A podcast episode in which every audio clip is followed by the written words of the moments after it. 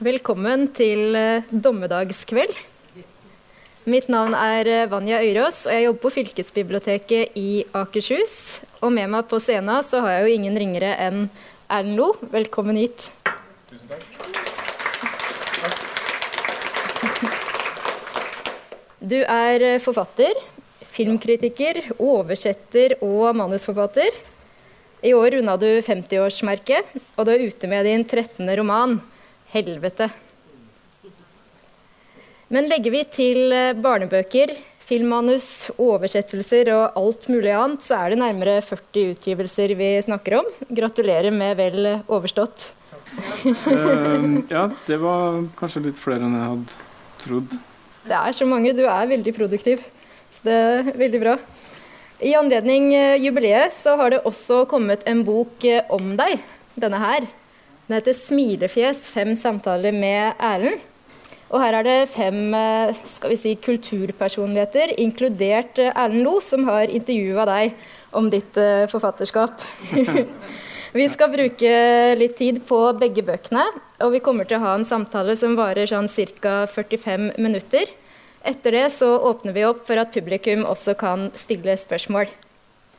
Vi begynner med den eh, lille sorte, 'Helvete', 134 sider, illustrert av Kim Hjortøy, som da byr på en tur til helvete. Men før vi kommer dit, så tenker jeg at vi starter på bakkeplan, for det er der boka starter. Hvem er det vi møter der, eh, Erlend? Du, vi møter ei um, dame som også er ca. 50, som skal bli 50, og som frykter det. Og som er nyskilt og forlatt og lei seg og, og nedfor. da, Og tenke at nå det var det, på en måte, med livet. Um, så viser det seg jo at det skjer andre ting, da. Som det ofte gjør. Men uh, egentlig får jeg lyst til å lese litt fra starten, hvis det er Gjerne greit, for det er ofte bedre enn å snakke om det, så hører dere litt tonen i det. Rakel hadde hatt et tøft år, men hun var ikke lei seg, men hun var litt lei seg likevel. I partallsuker hadde Rakel mye tid som hun ikke visste hva hun skulle gjøre med. Men hage hadde hun. En liten hage og en sliten spade og altfor mye tid. Ingenting av det følgende ville ha skjedd dersom Rakel hadde latt være å grave ut blomsterbed mellom gjerdet og bringebærbuskene. Men det var hun nødt til, og derfor måtte det skje. Men det visste hun ikke da hun stakk spaden i jorden. Det er så mye man ikke vet, dessverre og heldigvis. Rekkehusets forrige eiere hadde latt spaden stå igjen i skjulet i enden av hagen. En spade i det lavere kvalitetssjiktet, av den typen som ruster litt før man hadde trodd. Før bodde Rakel i hus med mann og stor hage.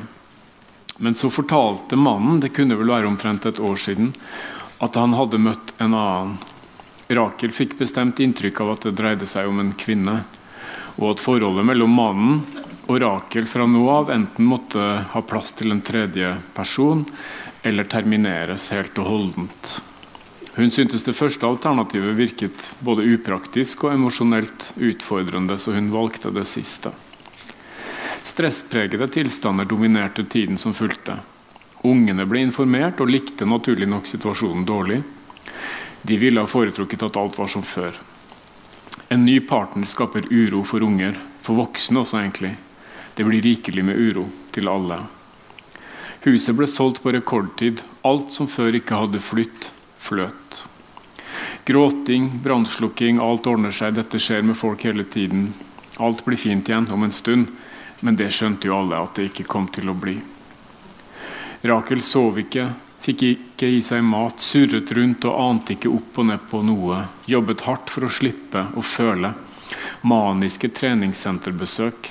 Kanskje kunne det dukke opp et annet menneske, tenkte hun. Muligens en mann, helst en mann, på sikt etter hvert. Med tid og stunder. I beste fall, hvem vet? Slike tanker rant ut med svetten og nedover ryggen hennes. Men hvis det skulle skje, dersom, så fremt, i fall, gjaldt å være klar, rent kroppslig, men også mentalt, i balanse helst. Plutselig skjer det, sa venninnene. Hun lengtet etter at noen skulle stryke og knuge henne. Det var lenge siden sist. Stryke henne på huden, på ryggen, på låret også, eventuelt. Visninger, visninger, fine steder hun ikke hadde råd til, og stygge som hun kunne få, men ikke ville ha. Meglere med dyre sko, lister, budrunder. Hun ble irritert av at meglerne ville være venner med alle. De må velge. Enten liker de kjøperen, eller så liker de selgeren. Til slutt dukket det opp et rekkehus hun ikke ville ha, men med en gang skjønte at hun kom til å kjøpe. Samme postnummer, samme skolekrets, riktig antall soverom. En hageflekk. Perfekt uten å være det. Sånn begynner det. Så møter vi Rakel, nyskilt, og på vei inn i det som virker å være en tung depresjon. Ja. Slitsomt. Mm. Egentlig. Ja. Det skal heldigvis uh, skje noe mer her. Det skal jo det. Det er jo en uh, kjærlighetshistorie. Det er en ganske voldsom kjærlighetshistorie, egentlig. Hun oppdager jo at det er en uh, åpning, en luke, i hagen. som går eh, nedover. da. Kim Hjortøy har som du sa, tegna Dere ser jo ikke så godt på avstand, men her er det en trapp da, samme som er på baksida av boka, som går rett ned. Og Det syns jeg var litt pussig, og jeg blir litt bekymra og lurer på om det blir vanskelig å selge videre hvis det går ei trapp rett ned fra hagen. liksom. Det er jo ikke sånn det skal være. Men hun går ned, da. Gangen ble stadig trangere, og etter hvert måtte Rakel gå sidelengs. Til slutt presset hun seg gjennom en smal sprekk og kom ut i en stor korridor. Belysningen var fortsatt dunkel, som i en lugar langt nede i etasjene på danskebåten, hvor bare bitte litt lys sivet inn fra korridoren utenfor. En kvinne satt ved et skrivebord foran en lang, lav hylle, hvor det sto et femtitalls unisex tøfler av tovet ull. Kvinnen drakk fra en svart kopp og så avventende på Rakel. På veggen over hyllen sto det skrevet med snirklete bokstaver. Vel møtt i helvete. Ope 24-7. Vi tar ikke ansvar for eiendeler som forsvinner under oppholdet. Lat alt håp fare. Kvinnen var kledd i en blå uniform med et djevelsk ufikst snitt. Hun sa ingenting, men inviterte Rakel til å ta en twist fra en skål som sto på skrivebordet. Rakel gikk bort til skålen og la merke til at den kun inneholdt de minst populære Twist-sjokoladene gjennom tidene. Hun tok, en nølende, hun tok nølende en med såkalt banansmak og dro i endene slik at biten roterte sakte og til slutt kom helt frem. Hun puttet den i munnen. Den var fæl, men heller ikke så fæl. En blanding av fæl og mindre fæl. Mens Rakel tygde, nikket kvinnen mot støvlene hennes og pekte på hyllen. Og Rakel skjønte at hun ble bedt om å sette fra seg støvlene og ta på tøfler. Det er første gang, da. Og så blir hun litt skremt, og så drar han ned igjen. Og skjønner jo etter hvert at helvete er organisert som en slags uh, fornøyelsespark. Uh, at de har litt pengeproblemer, at det er et er overbefolka sted. Så de er nødt til å liksom få inn penger der de kan. Så da kjøper hun seg klippekort. Det fins årskort og dagskort, og det fins mange timekort og sånn, men, hun velger klippekort og får seg et sånt kart, sånn som man får i Legoland og Tusenfryd, alle de plassene med når ting skjer, hvor og Og skjønner at her er det mye å se på. Forskjellige syndere blir liksom pint til forskjellige tider rundt omkring. da. Og så kan man uh, mate djevelen klokka tre uh, utafor palasset hans. Da. Så da møter hun han. Ja, for det her er jo en aktivitet hun oppsøker tidlig, og møter, som du sier, Satan. Ja. Rett og slett. Og det er jo et uh, spesielt møte. Skjellsettende. Ja, det er litt sånn at de begge blir veldig fascinert av hverandre med en gang, da. Mm. Men uh, Satan han er kanskje ikke helt en sånn uh, type fyr som vi ser for oss uh, umiddelbart når vi tenker Nei, Satan. det viser seg at han er mye vanligere. da. Han er litt mer som oss andre. Han går i lindress og barbeint og kortklipt og har ikke noe hale eller horn eller annen farge i ansiktet. Eller en vennlig, egentlig litt sånn sliten, skjønner vi etter hvert litt overarbeida fyr, da. Som har behov som alle andre. Mm. Så det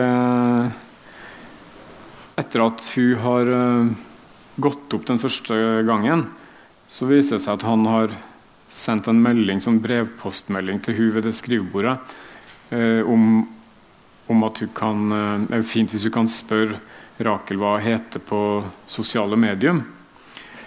Eh, og Det sitter litt langt inn, men etter hvert så får han det navnet. da.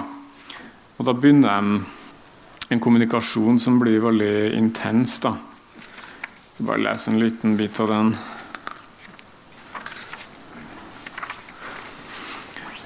alle i helvete, um, inkludert Satan, snakker nynorsk, da, som dere kanskje skjønte.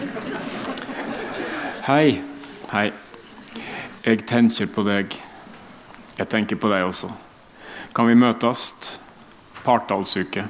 Kan du komme hit? Nei. Umågelig. Ulovlig. Ulovlig? Ja. Jeg trodde du gjorde som du ville. Bare i mi vær. Du må komme hit. Men jeg har ungene. Det får ikke hjelpe. Men de kan ikke være alene. Jo, det kan de. Unger klarer mer enn en tror. Men det vet vi jo ikke. Det vil helst gå bra, sier du saklig. Jeg kan be søstera mi holde ei beskyttende hand over deg. Søsteren din? Ja. Hva slags type er hun, da? Hun bestemmer alt i himmelen og på jorda. Ja, så hun er uh, Gud? Ja, Herregud, jøss. Kult. Ok, greit. Da ber jeg henne late sitt andlete lyse over ungene dine og være deg nådig i noen timer. Fint. God løsning. Jeg kommer. Så da er det seint og tidlig plinging i den telefonen, da. Rakel kjøpte diktbøker på antikvariat. Alt var meningsfullt. Alt hang sammen. Det som i årevis ikke hadde hengt sammen, hang sammen. Verden var stor og vakker. Hvis telefonen ikke plinget på en time, føltes det som om hun døde. Hun tok bilder av dikt og sendte dem. Hun gråt over jorden og han under. Når jeg lenges efter regnen, er det deg jeg lenges efter.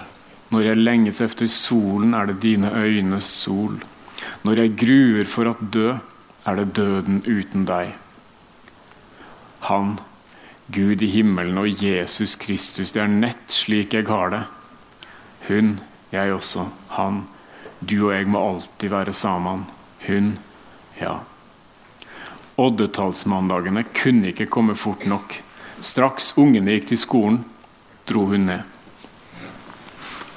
Romantisk fyr. Ja, det er romantisk. Men uh, kan du ikke si litt om det her nynorske Erlend, altså, hvorfor snakker uh, Satan nynorsk? Jo, jeg vet ikke om det har noen god grunn, eller kanskje litt tynn grunn, men først så gjorde han ikke det. Først så snakka han bokmål, starten, og så kjente jeg at det var noe som var feil. da. Gikk jeg og lurte på hva det var for noe. Og med en gang jeg skifta til Jeg er jo ikke noe god på nynorsk, men et slags nynorsk, da, så uh, kjente jeg at nå var det det var det som mangla. Så det er jo kanskje litt urettferdig, men uh, jeg fikk, eller jeg ønska meg en bibel av mormora mi som var litt opptatt av ja, religion, da. Um, da jeg var kanskje 2-23. Og da ønska jeg meg en nynorsk bibel. Og det tok hun på alvor, og gikk og kjøpte da. Så den bibelen jeg har, er nynorsk. Og i tillegg litt sånn ja, Etter mine begreper litt sånn gammeldags, gammelmodig nynorsk. Um, og da For meg så blir den religionen mer uh, håndfast, og jeg, jeg liker den bedre. da, Den blir slemmere. Blant annet de skal ryddes ut. Sånne ting står det da. Hvis man, I Gamle testamentet hvis du spiser det og det og gjør sånn og sånn, så skal du ryddes ut. og så videre. Da. Så jeg har koset meg en del med den Bibelen. Ikke at jeg leser så ofte i den, men uh, det var nok litt av årsaken til at jeg tenkte at det var kanskje det som mangla. Um, men du er ikke redd for å få mårdager på nakken? Nei. øh, min eks-svigerinne har vært leier i Mållaget. Og jeg har en øh, veldig god venn som har jobba i Mållaget i alle år, så jeg har hatt nynorsk og nynorskpolitikken liksom, tett på alltid. Og jeg har aldri uttalt meg noe negativt om nynorsk eller sagt noe. Eller, så det um, tror jeg kanskje ikke. Nei. Nei. Det morsomme er jo at du har jo skrevet uh, nynorsk tidligere en gang òg, eh, i forbindelse med en barnebok. Det er sant. Uh, og det er nok også påvirka av den nynorske bibelen, da. Mm. ja, jeg husker ikke helt når den kom ut, men kanskje 2010 eller noe. En sånn Kurt-bok som er en harselas med hele den forferdelige historien i Knutby i Sverige. Den der evangeliske, pinseaktige menigheten som gikk bananas, virkelig. Men med, med, det var jo folk som mista livet. og Vanligvis så er jo det der helt skjult. Vi aner jo ikke hva de holdt på med. Og jeg er sikker på at de holdt på med fryktelig mye som er helt vilt. Men pga. at det ble rettssak, så måtte liksom alt på bordet. Og den fulgte jeg veldig nøye med på. da, Og tenkte er det mulig? Hvor gal går det an å bli? på en måte, Og hvor, hva, hva forteller man ungene i den menigheten? altså det var de hadde brukt, som mange gjør, da, religion akkurat som det passa dem. Sant, og tilpassa og laga nye regler. Og, helt fantastisk. Så da laga jeg jo ei Kurt-bok hvor Kurt tror han blir frelst. da. Og da begynner han å snakke sånn bibelnynorsk eh, og skal bestemme ting, og du kommer til helvete. Og. Så det mora jeg meg jo med. Og den boka ble jo til dels brent opp på et par skolebiblioteker. husker jeg. Så det var jeg jo ekstra godt fornøyd med. Den, og der hadde, jeg, der hadde, jeg, egentlig lyst til at det skulle stå 'blasfemi for hele familien' i en sånn, sånn stjerne på forsida. Men det ville ikke forlaget ha noe av, da. Men det er jo det det er. Men uh, denne årets bok, 'Helvete', har den fått noen uh, re reaksjoner? Nei, ikke fra kristne helvetesmiljøer, nei. Nei? Det, nei, de, de, holder vel på med sitt, og jeg tror ikke de bryr seg egentlig. Men det er jo, hvis man eh, går inn for det, mulig å lese den boka her som en form for eh, religionskritikk. Vil du si at det er det? Ja, det er det jo, men jeg tenker kanskje at de dørene er slått inn for lengst. da. Heldigvis lever vi jo i et land hvor det er høyt under taket og det er veldig mye som er lov å si. da. Og Det betyr jo at det, har, det er jo fordi vi har flytta oss ganske langt de siste 70 årene. Eller hvor lang tid det kan være siden de hadde helvetesdebatter på radioen. Og det er omtrent så lenge siden. Um, og det er jeg jo glad for. Det finnes jo mange andre plasser i verden hvor man ikke kan det. Og det finnes religioner som jeg ville vært forsiktig med å ytre meg om på den måten. Så, men ja, absolutt. Det Folk får nå holde på tenker jeg, og gjøre hva de vil og tro på hva de vil, men det, det må jeg òg. og det må være lov å si det òg.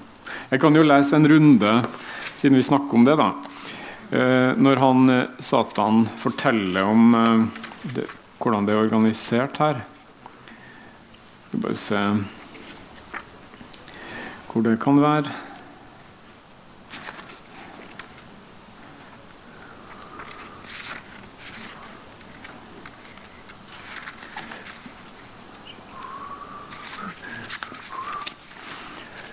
Hadde ei bok med sånne fine merker i, men den ga jeg jo bort til noen i publikum forrige gang. Så det straffer seg. Skal vi se Straks.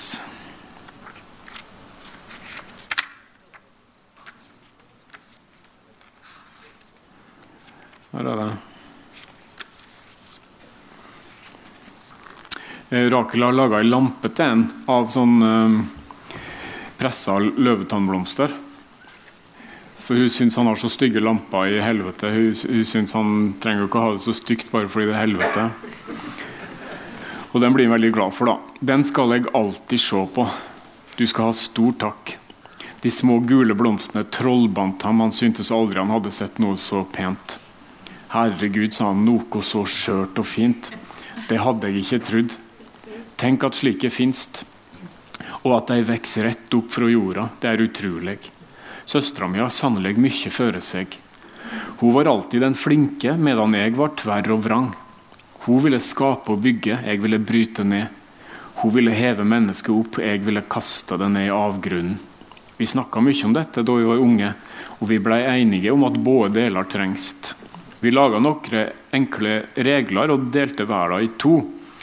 De mennesker har tolka og forvanska alt sammen, men i røynda er det fryktelig enkelt. Søstera mi gjev dykk livet og den gode døden. Jeg gjev dykk smerta og den vonde døden. Han strøk en finger over en innplastet løvetann på lampeskjermen. Så lot han samme finger gli fra pannen hennes og ned til halsgropen. Søstera mi og jeg ler av systemene og mekanismene deres, fortsatte han. De har forvanska alt og gjort reglene innfløkte og tullete. Når det kommer til stykket, gjelder bare én en eneste ting. Oppfør dere godt og vær hos søstera mi etter døden, eller oppfør dere dårlig og vær hos meg. Verre er det ikke bare dette. Vær god eller vær dårlig. Gjør verden bedre, ikke dårligere. Alle vet dette og har alltid visst det. Ta vare på alt som lever.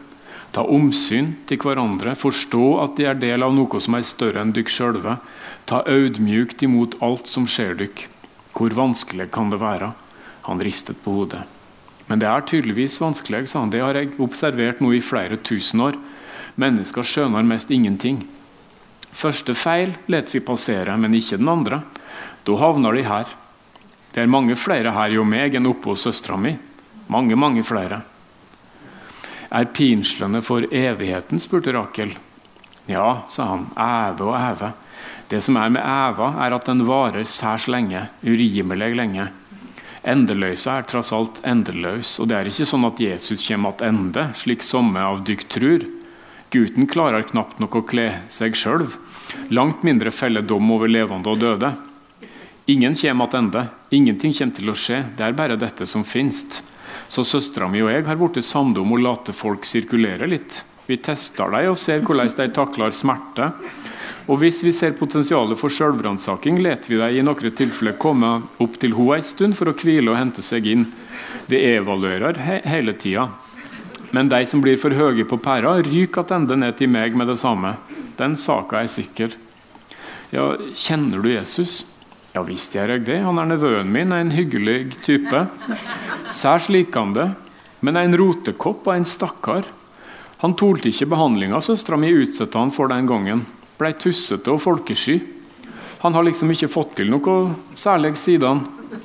Jeg kritiserte henne for det. Mente hun var for hard. Henge gutten på et kors og late han take på seg alle verdens synder? Nei, veit du hva? Det ble for mye for han. Hun har angra i ettertid, men hva hjelper det? Skaden var jo skjedd. Hun er ikke god, søstera mi. Beinhard somme tider. Vi snakka ikke sammen på flere sekel etter dette. Gutten var hos meg i lange perioder. Ville ikke ha noe med mora å gjøre. Et kvart hadde liksom gått i stykket mellom dem. Det let seg ikke reparere sånn uten videre. De fikk tak i tida til hjelp. Noen ganger er det eneste løsning. Fremdeles er det en aning anstrengt mellom dem syns jeg. Men han fungerer i alle fall bedre nå. Han spiller litt gitar og har liksom latt håret sitt vokse sammen i tjukke tjafser. En skrue, tror jeg vi må kunne si. Stakkars gutt, sa Rakel. Ja, sa han. Stakkars jævel. Det er jo et uh, eget straffesystem uh, nede i helvete litt ettersom uh, hva slags forbrytelse du har gjort i livet. Ja. Uh, jeg legger merke til at det er spesielt uh, ille å være sykkeltyv. ja. Det skulle bare mangle. ja, det, det, syns, det, syns, Satan er en nedrig forbrytelse. jeg skjønner det ditt hen at du også sykler uh, mye her nå. Jeg gjør det. Ja. Jeg syns også det er dumt. ja, nei, men det er mange som blir straffa hardt, da. Mm. Men sykkeltyver blir straffa veldig hardt. De blir brent opp hele tida og må venne seg til det, da. Han syns litt synd på dem, men sånn er det nå en gang. Og, nei, det er mange som får straff, dem som legger seg i feil fil, f.eks. i Sinsenkrysset, og når de skulle ha ligget Hvis de skal til høyre, så tar det mye lengre tid å ligge i den ene, så legger de seg der og sniker, og de ryker rett ned. Og de som setter seg ytterst på bussetet, sjøl om det er ledig innerst. Den som spiser ananas på pizza, osv. da. Nettopp. Men uh, Rakel hun er jo dødsforelska i Satan. Og Det er kanskje derfor hun er villig til å se litt sånn mellom fingrene, for det, han er jo ond nå, da. Ja, han gjør jo den jobben som uh, han nidkjært har gjort i mange, mange hundre år. da. Men nå begynner han på en måte å føle på en slags uh, trøtthet knytta til det, og en liten meningsløshet. Og, men han kommer seg ikke ut av det. Søstera er veldig hard, da, som vi har hørt. Og tillater jo ikke noe, noe slinger i valsen eller noe Han kan ikke ha noe forhold, f.eks. Han kan ikke ha kjærester. Selv om det har han hatt innimellom, forteller han da. Uh, Men aldri sånn at hun har oppdaga det. Så det er ikke så greit, egentlig. Nei. Men hun er forelska, ja. Og jeg tror jo at hvis man er det, sånn ordentlig, så er det mye man er villig til å se litt uh, mellom fingrene på, da. Ja, og det er noe med det å være så hodestups forelska som eh, dem er. Det kan jo fort gå utover de nærmeste. Ja. Og noen av de som kanskje lider litt under den forelskelsen her, er jo barna til uh, Rakel. De gjør det. De eh, har jo måttet nå vente seg til at faren har funnet seg ei anna eh, dame, da. Eh, og delt opp altså annenhver uke her og der. Og, og den andre dama har en sånn perlende latter, mens Rakel har en litt sånn kjedelig latter. Så Rakel tror det har noe med det å gjøre, da. Så hun, hun er, oppfører seg nok litt egoistisk overfor de ungene ganske lenge. ja. Men til slutt så blir han nødt til å forklare dem hva som har skjedd. da, For hun har vært borte lenge òg. Hun, hun, hun tror hun bare drar ned en snartur til helvete, men så blir hun borte i to døgn f.eks. Og ungene eh, går litt for lut og kaldt vann. da. Så til slutt så må jeg fortelle dem det. Skal jeg se om jeg kan finne det. da. Det er rundt side 100 etter at du har kasta en appelsin i bakhodet på På en av dem, ja. Nettopp. Her, takk. Til slutt ble hun nødt til å si det. Hun samlet ungene rundt kjøkkenbordet og ga dem hver sin eplejus med sugerør. Liker dere hun nye kjæresten til pappa? De ristet på hodet. Hva heter hun igjen? Monica. Ja, det var det. Barnslig navn. Og så har hun vel litt rar latter, har hun ikke? Jo, veldig rar. Liksom litt perlende, på en måte. De nikket igjen. Men uansett, fortsatte hun, dere har vel skjønt at pappa ikke ville være sammen med meg lenger fordi han liker hun med den dumme latteren ved dere? Ikke spør meg hvorfor. Jeg spør gjerne han, forresten. Det syns jeg dere skal gjøre. Men uansett er dere kanskje enige at det vil være urettferdig om jeg skal være alene resten av livet, bare fordi pappa fant en annen? Ungene så på hverandre. De nikket forsiktig. Det er bra, sa Rakel og bøyde seg over bordet og klappet begge to på kinnet. Så tok hun en eplejusslurk fra en av kartongene, og også fra den andre, så det skulle bli likt. Og forresten, fortsatte hun, så har jeg også truffet en mann. Har du? Ja. Men det skjedde altså etter at pappa dro sin kos. Bare så det er sagt. Det skjedde etter at jeg var blitt forlatt og var alene i verden og ikke hadde noen som elsket meg. Hun så på dem. Ja, utenom dere, da, la hun til med det hun håpet var et koselig smil. Ungene så på henne. De fikk antagelig med seg det ikke så altfor godt innpakkede agget mot faren. Sånn er det bare, fortsatte Rakel. Jeg har en kjæreste, for å si det rett ut. Og det er alvorlig. Det er helvetes alvorlig. Jeg elsker denne mannen sånn som jeg aldri har elsket før, sånn på ordentlig. Sånn at jeg dør litt hvert sekund. Hun pekte på kjøkkenklokken på veggen, den som hadde sveitsisk lilleviser, som ikke gled stille av gårde, men stoppet kort ved hver sekundstrek. Nå dør jeg, sa hun. Og nå dør jeg en gang til, og jeg dør og dør. Jeg dør igjen og dør, og dør enda mer. Det er kanskje litt vanskelig for dere å forstå, men sånn har jeg det altså. Men hva med oss, sa ungene, tenker du ikke på oss? Jo da, jeg tenker litt på dere også, men mindre enn før, det må jeg bare være ærlig og innrømme. Men jeg tror at hvis jeg kan se denne mannen daglig, Så vil jeg roe meg ned og begynne å tenke på dere igjen. Det er jeg ganske sikker på. Ungene var sjokkerte, men sannheten måtte frem. Ja, nå sier jeg sikkert mye rart her, sa hun, men jeg tenker det er bedre at jeg bare sier det som det er. Ungene så på hverandre, og på henne. Begge juskartongene var i ferd med å bli tomme.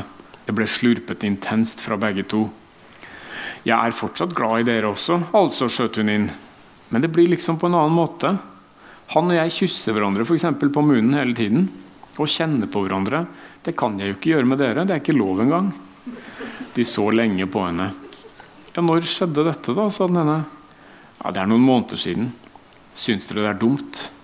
Ungene så på hverandre igjen. Det var vanskelig å tolke blikkene deres. Litt dumt syntes de nok at det var. Ja, Hvem er han, da? Bare en mann. En veldig flott mann. Ikke helt vanlig. Noe for seg selv. Spesiell, liksom. Flott og deilig. Tvers igjennom til å spise opp, faktisk. Er han gammel? Ja, temmelig gammel. Men også ung. Han er litt vanskelig å sette i bås. Hva heter han? Han er kjent under mange navn. Dette syntes de hørtes rart ut. De skjønte ikke hva det betød. Hvor bor han? Rakel nølte litt før hun svarte. Hun hadde ikke lyst til å lyve heller. I helvete, sa hun til slutt. Han bor i helvete. Det er ganske brutalt. Ja. Men det er jo også veldig morsomt. Dette med humor og alvor er jo noe du snakker mye om i den boka her. Her Ja. er det Marit Eikemo, Anders Heger, Kim Hjortøy og Egil Halmøy, Finn Skårderud og da Erlend Loe som eh, har intervjua deg. Jeg sa at det var en eh, forutsetning at jeg fikk intervjue meg sjøl hvis jeg skulle gå med på de andre intervjuene. Nettopp. Men, men i forhold til det her med humor og alvor, tenker du innimellom at humoren kommer i veien for uh, budskapet? Jeg tenker vel på mange måter at jeg skriver sånn som jeg er nødt til å skrive, og da er det sånn det er. Og så er det selvfølgelig andre som skriver annerledes, og mye god litteratur som er alvorlig og skjebnetung, og så er det mye god litteratur som er morsom og alvorlig samtidig. Så humor ekskluderer jo på ingen måte store tanker eller viktige temaer eller noe som helst. Eh, Men eh, likevel oppdag, opplever jeg kanskje av og til at humor har litt sånn dårlig rykte. Da, at eh, da er man lettbeint og eh, mindre på en måte verdt i litteraturhierarkiet hvis man bruker humor utstrakt eh, og, og massivt. da.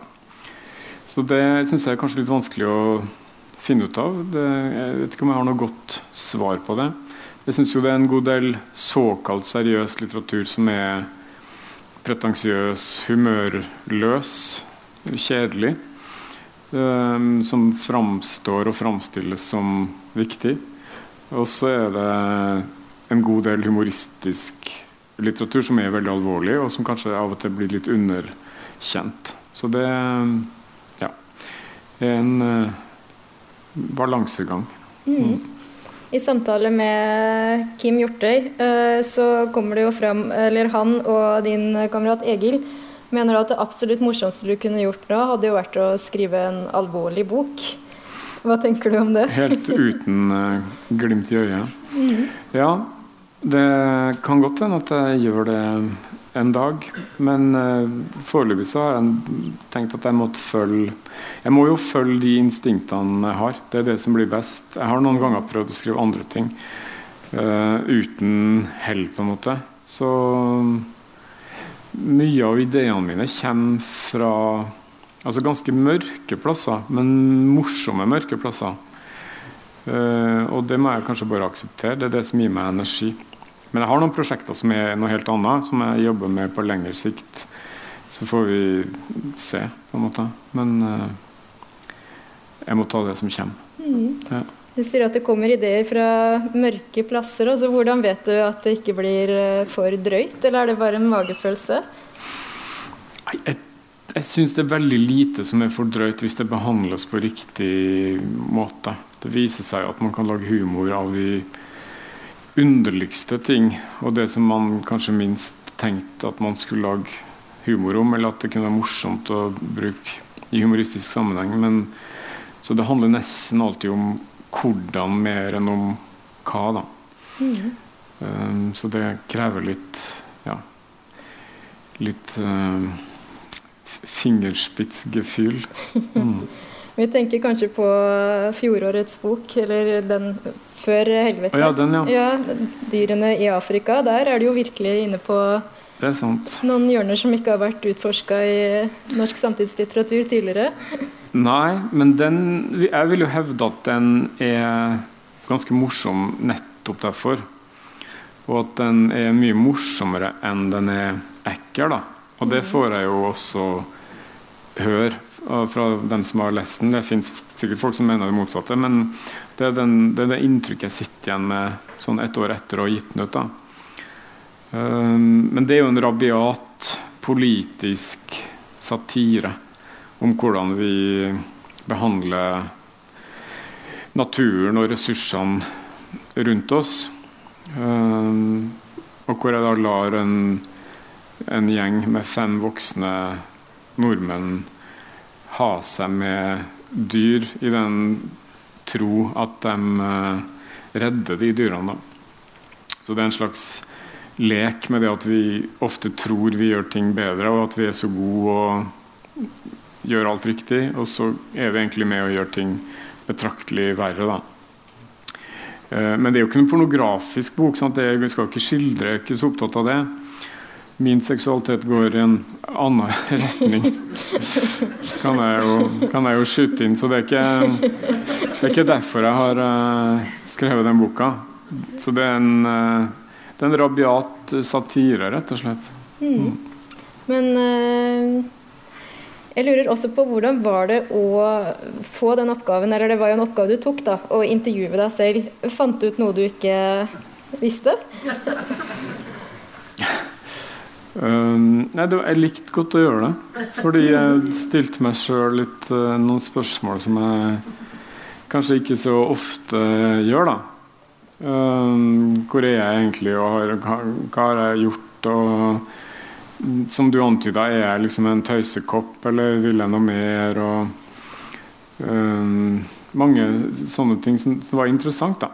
Jeg har kanskje visst det, men det er jo mange ting man går og vet som man ikke tenker på. Og, og ting man unngår å tenke på da, aktivt. Så sånn sett var det lærerikt. ja. Var det noe du fant ut som du kan trekke fram? Nei, jeg vet ikke. Jeg har vel ofte Jeg har hatt høyt tempo i ganske mange år. Jobbe med bøker og filmmanus og litt forskjellig om hverandre, oppå hverandre, i en rar eh, litt sånn rastløs blanding, da. Um, og så har jeg tenkt eller lurt på om er det dumt på en måte å gjøre. Er jeg for lite grundig? Burde Sånn som jeg tror at andre forfattere, eller ordentlige forfattere, eller hva man skal si, gjør. Uh, nå setter jeg meg av ett år, to år, tre år og skriver bare det. Også. Men det har jeg aldri gjort. Det er liksom hele tida mange ting oppå hverandre. Så det er akkurat som jeg flykter fra et eller. Så litt sånne tanker utforska jeg vel i det intervjuet. Men om jeg fant ut så mye, det tviler jeg vel på. Det ble i hvert fall veldig morsom lesning. Anbefales. Da tenker jeg at dommedagskvelden går til uh, ende. Ja. Eh, hvis dere vil finne ut hvordan det går med Rakel og Satan, så er dere jo nødt til å lese boka. Eh, de har den på biblioteket, men det kan hende at det er eh, venteliste. Men eh, heldigvis så blir den solgt her rett på vei ut, og Erlend har sagt at du kan signere og greier. Ja. Hvis det skulle være interesse for det, så kan det det. Mhm. Så det er en mulighet. og med det så ønsker jeg egentlig bare å takke for at dere kom, og en ekstra takk til deg, Erlend Lo. Sjøl takk. Takk.